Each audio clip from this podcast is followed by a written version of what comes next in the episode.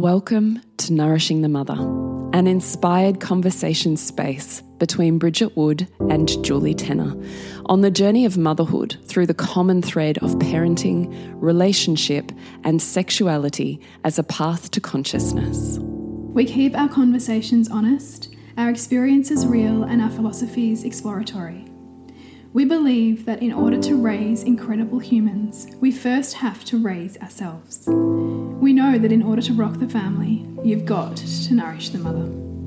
If you are here, you care about paving a path of conscious and intentional motherhood connected with yourself and your gifts, and also illuminating your children in theirs so we may raise more whole humans who can impact this world in a more humane way. If you desire to integrate your learnings practically and supportively, head on over to bridgetwood.life or julietenner.love to go deeper. And for all live streamed, pre release podcasts and all our free content, head over to our free Facebook group, Nourishing the Mother with Bridget Wood and Julie Tenner. We are Julie Tenner and Bridget Wood, and we are so grateful you're here. Hello, and welcome to Nourishing the Mother. I'm Bridget Wood. And I'm Julie Tenner. And today's podcast is When You Dance with Becoming What You've Always Judged. And dot dot, this is the um, continuation of my prolapse journey. yeah. to give some context to that big, lofty subject yes. I was say dot dot. And then in my head, I had a total mental blank what am I calling it? Oh, yes, the hysterectomy journey. That's right. So even that is funny, right? Because as we have done in this whole podcast, we don't ever wait to podcast to the point where it's also perfectly put in place that we have, you know, a well articulated everything. It's like, well, you know, here's in fact, that's a perfect segue into the fact that you didn't say my hysterectomy journey because you're not fully owning that yet. You no. said my prolapse journey. Yes. That's true. I actually really love that you pulled that out because I have got to a point of totally owning that, which actually feels incredible because I started, I, yeah. I can love this. I know this. Like, yeah, yeah. and I actually zero shame. So which good. is so beautiful, like so beautiful. Because I literally can rock around in whatever other spaces and be like, oh, well, you know, I'm going through this prolapse journey at the moment and blah, blah, blah.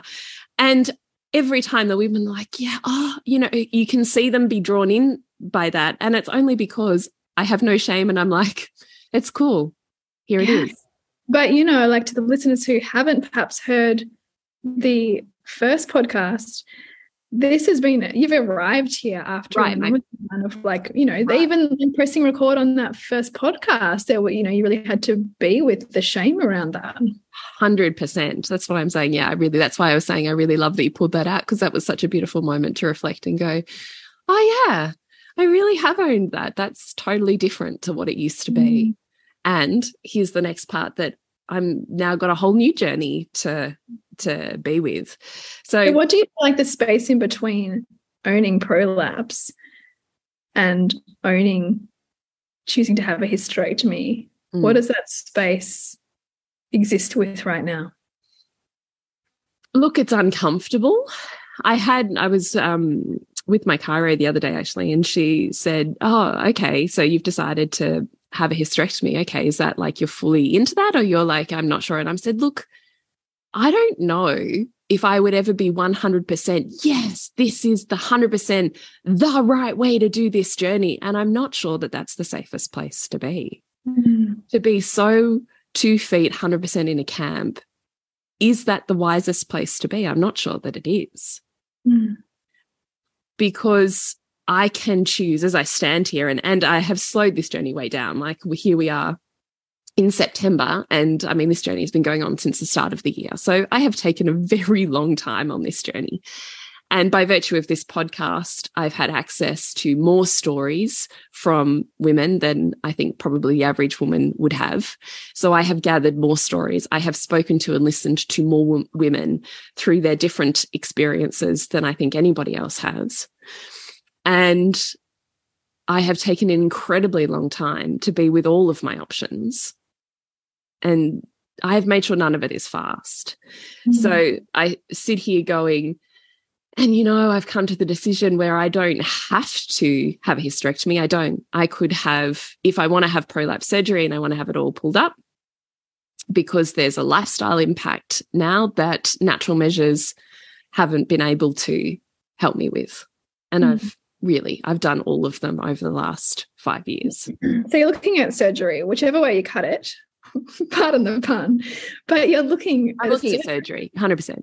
So the surgery that I'm looking at would involve, because I have all three prolapses, so it's a multi-organ prolapse, would look at cutting the front and the back of the vagina and then how we pull the top up, so where the cervix is. So you can have it elevated from the womb, or you can have a hysterectomy, remove the womb and the cervix, and have what they call a vaginal vault and have that suspended on, lig on ligaments so there's some research that says with hysterectomy, there's a greater recurrence of prolapse.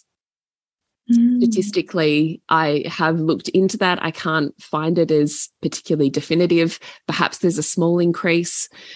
Um, that's one of the questions that I'll be bringing to my surgeon when I see her next week is, is what is her impression in that?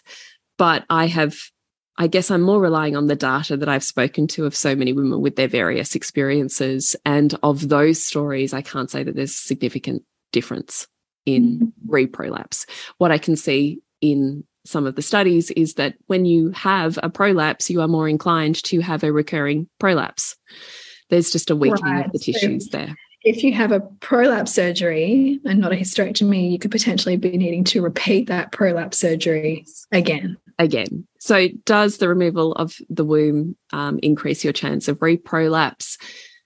Look, I don't think statistically it's definitive, and it depends on which which studies you look at, as all research does, right? I mean, you could probably find a research to justify any point. So, but I'll be checking that with my surgeon next week. So, I'm looking at okay, so if I have a hysterectomy, do I have an increased likelihood of reprolapse? Maybe.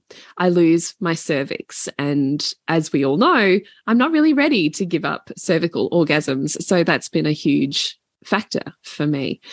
Or I could choose to keep my uterus and keep my menstrual cycle and just have it all suspended higher up.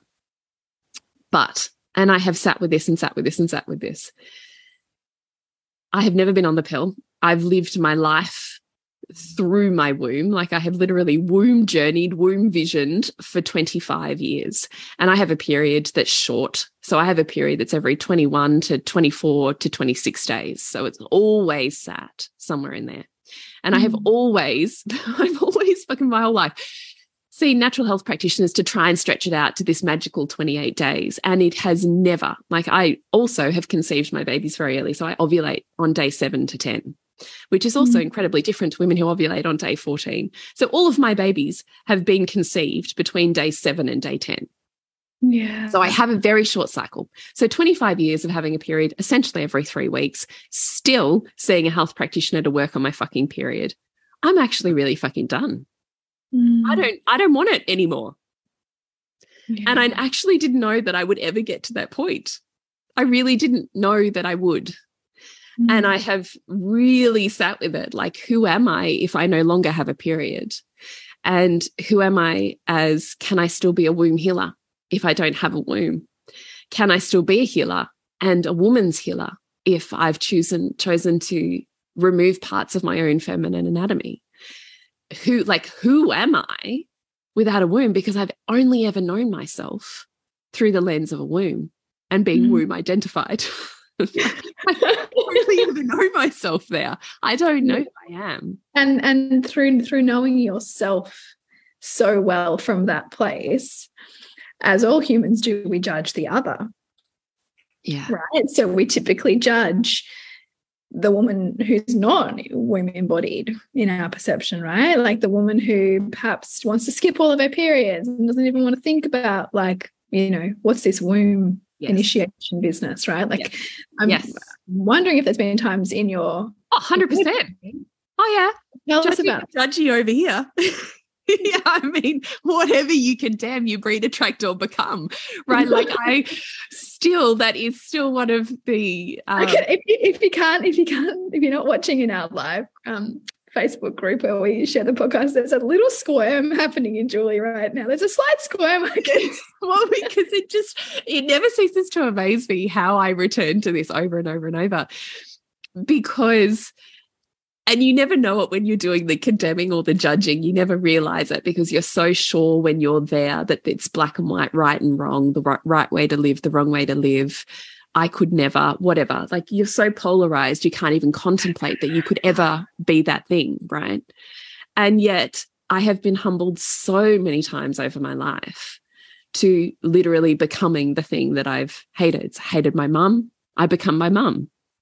Mm. I've hated on women who have chosen to have a pill and skip all their periods. I'm choosing to remove all of my periods. Mm. I can't even think of others, but I'm sure there's been heaps. It is continuously a universal philosophy that floors me over mm. and over again. And I see it in my clients. And also how naturally we we swing, right? Like because I was on the pill for 10 years. I never wanted to skip my period because it didn't feel natural, which is ridiculous because I was on the pill. So good though. right? Like you talk yourself into anything, right? I'm like, you know, this this was, you know, like I got taken, I had irregular periods. So my mom took me to a doctor who told me to go on the pill. And then I was on it till I was 25. Like this is not an uncommon story. No. But part of my coming to consciousness was railing against that. So I can I've been I've been that as well. Like I've been like the just I don't like I've just push it down like and, and so I love that we're kind of exploring this here like this this swinging this pendulum. Yeah, it's really uncomfortable. Like mm. this is mm-hmm. why I'm saying I'm not resolved as this whole journey has been on this podcast. I'm not resolved in any of it, but all I can sit here and say is I have slowed this down so much to really get clear on what is an authentic choice, not what mm. is a mm-hmm. choice based on fear of letting go of an identity or subordinating to a, a philosophy or a set of beliefs that up until this point I've identified with and perhaps may no longer. Yeah. But what is an actual like what is what is my really what is my gut saying and i wish I, your womb not your womb which is unusual i actually just feel a whole lot of permission from my womb mm. which actually makes me cry beautiful. yeah yeah like i talk to my womb i've had mm. conversations with her during this whole experience and I just get this total feeling of peace. Mm. Like it's okay. I've loved her. She's loved me. Yeah. We've had some great fucking times together. we really have. You really met her, right? Yeah. Yeah. No, her so well. So, so much. Oh, but gosh, I'm ready to not have to have my period every three weeks and mm. to just be able to have wild, audacious sex without having to worry about oh, putting down the towels and cleaning sheets and mm. only having shower sex. I'm interested in what it opens up for me mm. that I haven't had before and it, and it, you know i've sat with is this a feminist choice can i still be a feminist and say i don't want to have a female biology mm. you know like all of these judgments i'm sitting with them or have sat with them and yet what actually just under that feels really settled in my body is i don't want it anymore yeah Isn't that the the ultimate feminist act is choice? Yeah, I mean that's what I'm exploring, right? Which is not a facet of feminism that I've necessarily explored when it comes to the female body as, you know, perfection. Yeah. Here I am saying, ugh, it's also not perfection. and I don't want it anymore. yeah. like it's different. So so um, my research now is really on how how uh, has been on how do I do a hysterectomy in a way that the system doesn't do them because the system just does them one way, and where we would look after any type of um, penile or um, male reproductive system pelvic surgery is very very meticulous around how it handles all of the nerve systems it's mm -hmm. not in women's pelvises. It's not even a consideration. In fact, mm-hmm. even trying to find biological information on what are the nerve systems that supply the cervix and the dorsal nerves that run from the cervix back through, you know, under the pubic bone and round to the cervix, even trying to find that has been really fucking difficult. Because surgeons are oriented to not affecting penile function because they don't want to they don't want to undermine male pleasure. Yes. It's not or, part of the conversation. That's not even part of the conversation no. with the female body. No. No. Come to patriarchal medicine. Yeah. So my conversation with my surgeon has been up until this point in time has been sexual function focused, which is mm -hmm. extremely different to any conversation she's ever had with any of her patients before. And when I go and see her on Tuesday, it will now be around sexual nerve preservation. What does that look like to preserve nerve function of both the nerves that supply the cervix and the clitoral nerves that run alongside the cervix, all of which can be damaged in a hysterectomy? Yeah, oh my God. What does that look like? What does it look like instead of going with the stock standard two finger vagina fix? What does it look like to decide what I want my vagina to be? Mm. What size do I want it to be? You really want a bespoke surgery, digitally, and I know that. well, I mean, it's all of these questions, right? Yeah, but this is so great, right? Though, because it pushes the envelope on the way the system sees these procedures for women. Yeah, well, I hope so. I hope certainly. That's feminist. Yeah. Well, it is. Yeah, it is. And the conversation will be I want to be able to, you know, have a ceremony for my womb and say goodbye to it. Mm -hmm. And I want to write her a letter. And I want my surgeon to take a photo of the letter with my womb. Yeah.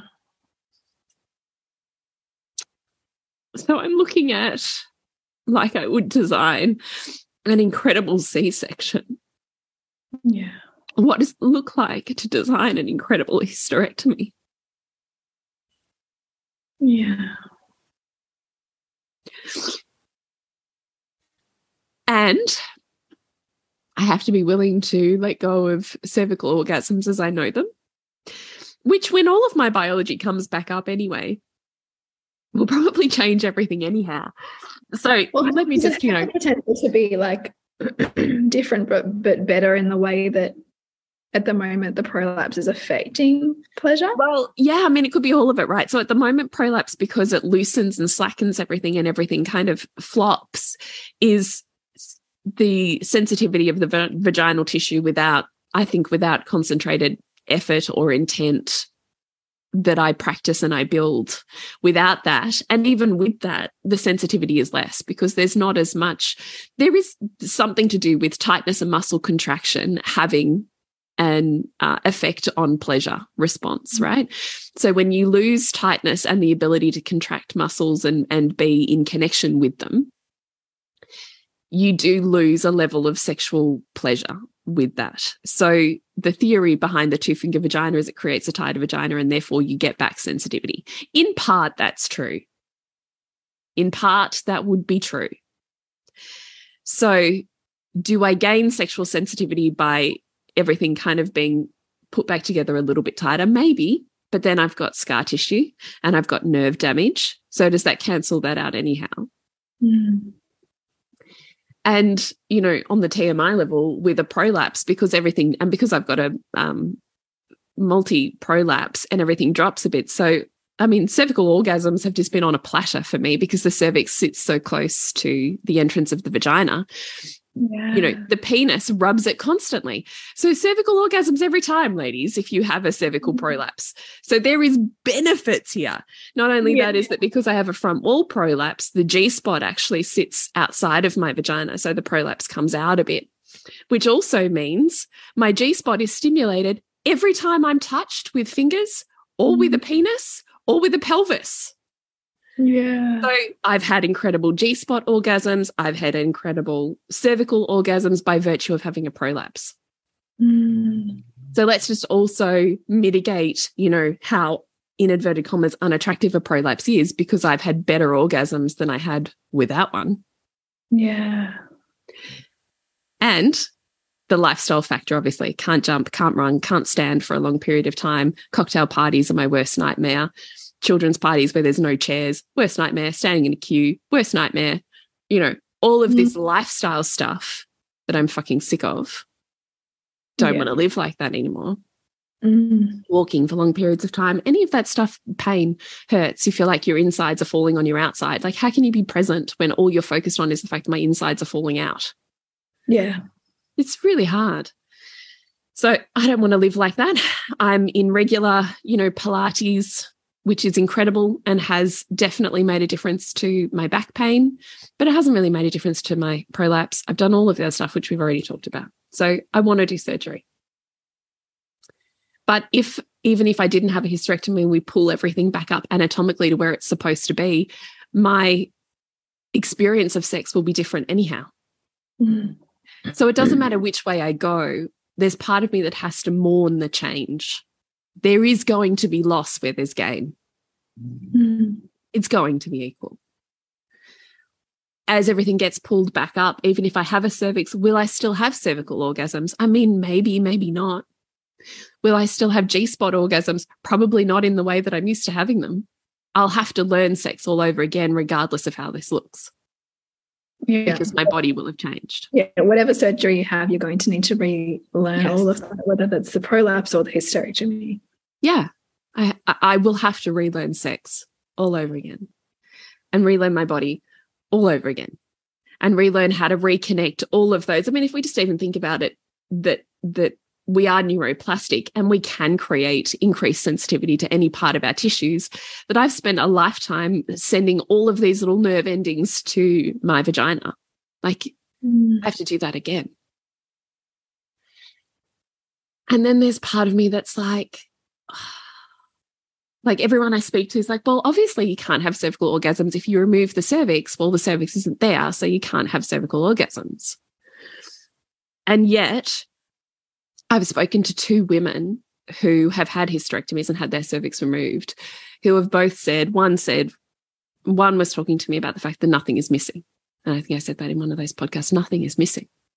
Mm. So, whatever that was, it just morphs form in my body. So, where else is it? And I'm like, yeah, fucking A. So, I spent a long time thinking about nothing is missing. And the other one said, I haven't spent a concentrated time on it. But she said, I can tell you there is a flavor of cervical orgasm still possible. And I can see that if I spend time focused on it, I could get myself there. Mm. We're just jumping in to let you know what is happening in the worlds of bridgetwood.life and julietenner.love in case there's a little opening for you to jump in and expand your life a little bit deeper. So, what's happening in your world, Bridge? It's Mothermorphosis, a free three day series all about identity, your mother line, and your parenting from the lens of the ways in which we are constantly transforming and evolving on this motherhood journey. So I really invite you to join that. We begin on Sunday, the 11th of September. Sign up at bridgetwood.life. And you, Jules? Is Queen School. So Queen School is now a online course with four full modules that you are self-paced and work your way through, combined with 12 months of really stretching that out as I help you really integrate, embody, and move through the blocks so that you can literally become Queen School in your life. So Queen School is all about connection, pleasure, sensuality, magnetic communication, feminine energy, and embodiment with me over now a beautifully integrated 12 month experience. So you can find out more at julietenner.love. So I don't know anyone who's doing this middle path. I know lots of places and spaces and communities that you can go to. Actually, I don't even necessarily with surgery. With surgery, it's very, you know, there is no community. You can't speak to other people. No one shares their stories. It's all very closed door. So there's surgery, I suppose. And then there's lots of communities for not having surgery and and doing all of the myriad of options that you can do for naturally looking after your prolapse. I don't know someone who's sitting in this space talking about how do we center sexual function? How do you do surgery your way? Mm. I sat and spoke to a woman not so long ago who said to me, Oh, well, you know, I mean, my surgeon's just going to decide when he gets in there what needs to be done. I nearly spat my drink out. I was like, I'm sorry, what? Well, you know, I mean, he doesn't really know. So he'll just decide when he gets in there about whether it needs to be taken out or not, or, you know, what needs to happen. Wow. Right. And I was like, oh my fucking God. You know, this is your body. This is your vagina. This is your womb. You get to choose, right? Like, you know, this is yours. Mm. I don't know anyone who's doing surgery your way, who's centering sexual function and who says, let's repair sexual function after hysterectomy tantrically. How is it possible? Yeah. So there's part of me that feels like that divine cord has kind of offered me that thread and gone, this is why you're here. Mm. Like, if we think about purpose, I don't know anyone who's lived the life that I've lived, who has the experience that I have, who can potentially do what I can do here. Mm. I don't know anyone else who can do that. That's not to say they don't exist but I don't know anyone. Yeah. So, what does it look like to take leadership of all of the women who may follow in my footsteps and say, this is possible and find the pathway because I have the skill set to do it, even though I'm shit scared, even though part of me would rather not, mm. even though mm. I'd wish there was an easier option. Part of me is also excited and fascinated by what might be possible. What don't I know about my body? Because mm. over and over again in my lifetime, I have seen all of the ways that the human body defies what science says is possible. Mm. And so it feels like an exciting frontier of like, what am I about to? It's like discovering a whole nother universe. What am I about to discover that that no one's ever known or that I've never known. That that potential feels. And how can that be a beacon for others? I mean, how many women have a prolapse and maybe a recommended hysterectomy, but a, a, that feels too big, but that in fact that might be the better choice for them. Like, do you feel like if you could let go of all of these things in the way that function wise your life would be more useful without it with like with having a hysterectomy. What do you mean in terms of lifestyle?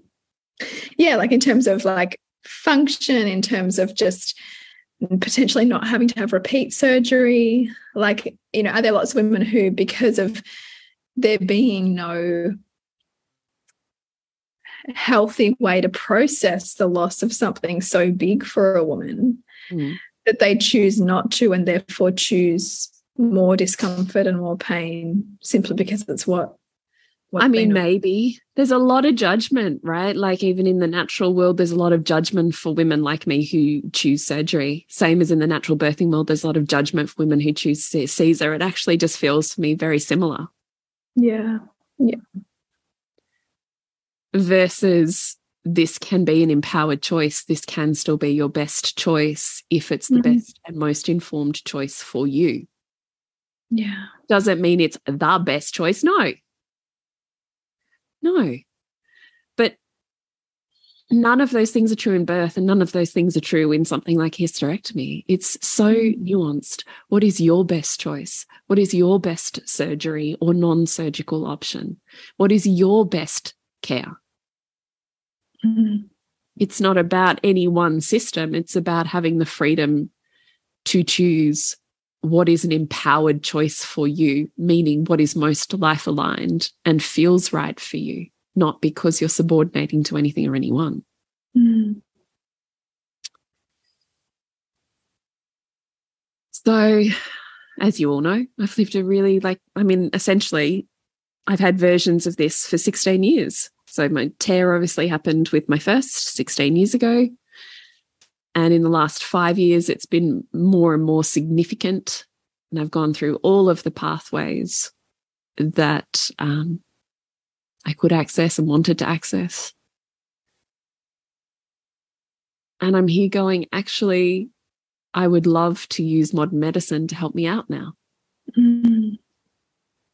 I would love to use both. I would love to use medicine to hopefully give me the best outcome that I can get at the same time as maintaining my own healthcare, my own well-being, continuing on my uh, reformer Pilates, which I, I love and I think is actually fantastic, at the same time as doing my own tantric sexual pelvic healthcare? What does it Mm. look like to do it all together and to take the best of both worlds rather than needing to pick a side? It sounds pretty integrated to me. It's a hard choice to own because it seems I've only told a couple of people, no, and look, I have decided to have a hysterectomy, and mostly I'm met with shock. you? Mm. A hysterectomy? I know, it is shocking. I didn't think I'd end up here either. And yet I can't fucking wait to not bleed again. The ways in which you journey into your body, though, is this not another invitation to more deeply meet and love your body? Oh, I hope so. I can see you mapping like all those neural pathways, like because I can see you like having a cervical orgasm by perception. I fucking hope so.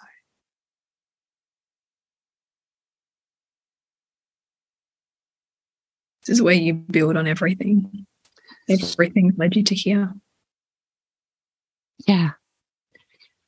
Does kind of feel a bit like leading a war, though, you know, like leaving the Yeah. safety of home Yeah. being like, this is right or righteous. Mm. I know why I'm doing it. But the courage that's involved. It's never going to feel easeful, right? It's going to And I mean, I, I also think nor is it meant to. Nor is it meant to. This is my point. Like, whatever, if I was sitting here going, yeah, fucking hey, I'm gonna have hysterectomy and everything's going to be perfect, I think there would be something wrong with that. I'm sitting here going, I know it's massive surgery. I know I've got a six to 12 week healing.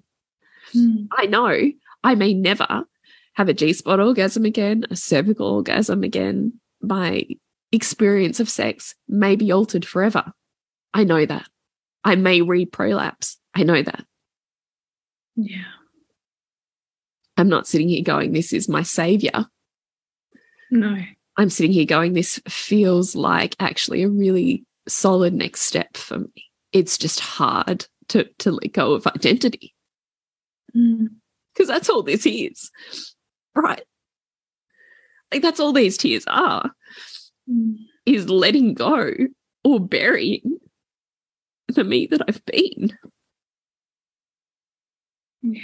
And who you've identified with so strongly for most of your life, all of your life, Yeah. all of your collected life. Yeah. So it's Mm. it's a type of death, right? Which we all go through so many times in, in a woman's life, I think in particular. We go through so many identity sheds. Mm. I think some women would go through this when they were, you know, going through menopause. Oh yeah. Well, I mean, I mean, you in some ways you're being asked to process aspects of menopause now. Yes. Really, Yes. That transition. Yes. So I am going to leave my ovaries in. So you do still have a hormone disorder. You don't go into early menopause. And I've heard also from women that have done that, that they still recognize they have a cyclical nature, that they still Mhm. hormonally have a cycle. They just don't bleed. Right. which is well, for you that for you that sounds kind of lovely, right? So you get to still have well, the fascinating to me, yeah. Well, like you know, attunement to yourself, but without the three weekly bleeds. Yeah, that there's still seasons in my body. Mm. All that's missing is the literal blood. And yet nothing is missing. right? Like nothing is missing. So, whatever that is, whatever that elimin elimination pathway is, whatever that processing pathway has been for me, will just more form. Mm. Because there's not one route here that it always has been. The body will find another. Yeah. It will. Yeah. And it gets to be hard. Like it's allowed to be hard right now. Right. It's all of that. Mm that's exactly my point. So I'm not sitting here going, fucking resolved. It's all good. Yeah, here's your update. This is what I'm doing. Yeah. Catch us. See you on the other side. Like there's deep processing here. Yeah, this is identity death. Mm. But because I can see it as that, it's easier to be with because I yeah. know this is me just saying goodbye to younger me mm. and saying hello to older me. Yeah and what she's calling you forward to. Yeah. Right? Mm. And that it's feels kind of juicy. Yeah, it does. It kind of feels like when I, you know, do my daughter's new moon ceremonies, and one of the things I do in there is share with them all of the things that I've loved from their childhood and all of the things that I'll miss. And then all of the things I can't wait to experience in adulthood and as they grow. And that's what I'm doing here, but for myself. Yeah. So, how can you give that beautiful holding and gentleness and trust that you give to your daughters, to yourself?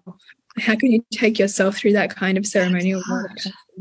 Yeah, that's what I want to do. So, I want to design my own ceremony.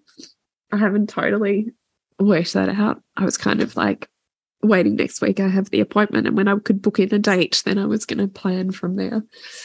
But I also, you know, I want to be able to do that with my group of friends. I mean, here, you know, here's going to be me like the month of celebrating myself and my womb. So I'm going to be doing that. I'll probably have quiet, you know, moon ceremonies on my own. I've said to my husband, I need to have goodbye to my cervix sex. like, we need to ritualize the fucking shit out of this whole thing. He's like, okay, we can say goodbye to your womb and you know your cervix, and I love that that we can have those conversations, and I love that I can do that because yeah. I think that helps. That will help me process. Yeah, and you won't be so long caught afterwards in this in between place. Yeah, I hope. Like longing for what was and resistance to what is. Exactly right? Exactly. That this is a rite of passage. So, how do I walk this in a way that doesn't snowball it? Yeah. 100%. So, even though I'm sitting here, you know, bawling my eyes out, but this is the first probably proper time I've sat down and spoken to anyone about this. So, you know, lucky listeners. I don't know. Um, we do, we do sometimes call this our therapy space. So yeah, we do, do we? Yeah. therapy. it was literally because we hit record. We weren't even going to do this.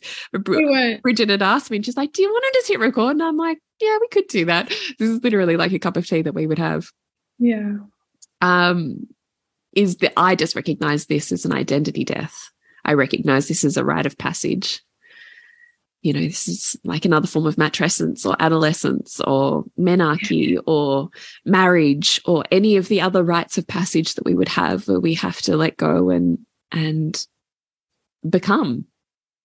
And so many of those, because they're not adequately held in our culture, we end up pathologizing ourselves as yes. a byproduct of that. And what yes. you're saying is, what you're saying is this needs honoring yes, I know this is an authentic choice for me. Don't get confused by my tears, meaning I don't want this. I do.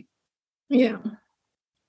but I'm recognizing it is a part of the transition. Yes, exactly. I'm recognizing that even in this choice, in this what you would call liminal phase, Bridget, in this suspension between worlds, is my rite of passage where I have the opportunity to to consciously be with what I'm asked to be with.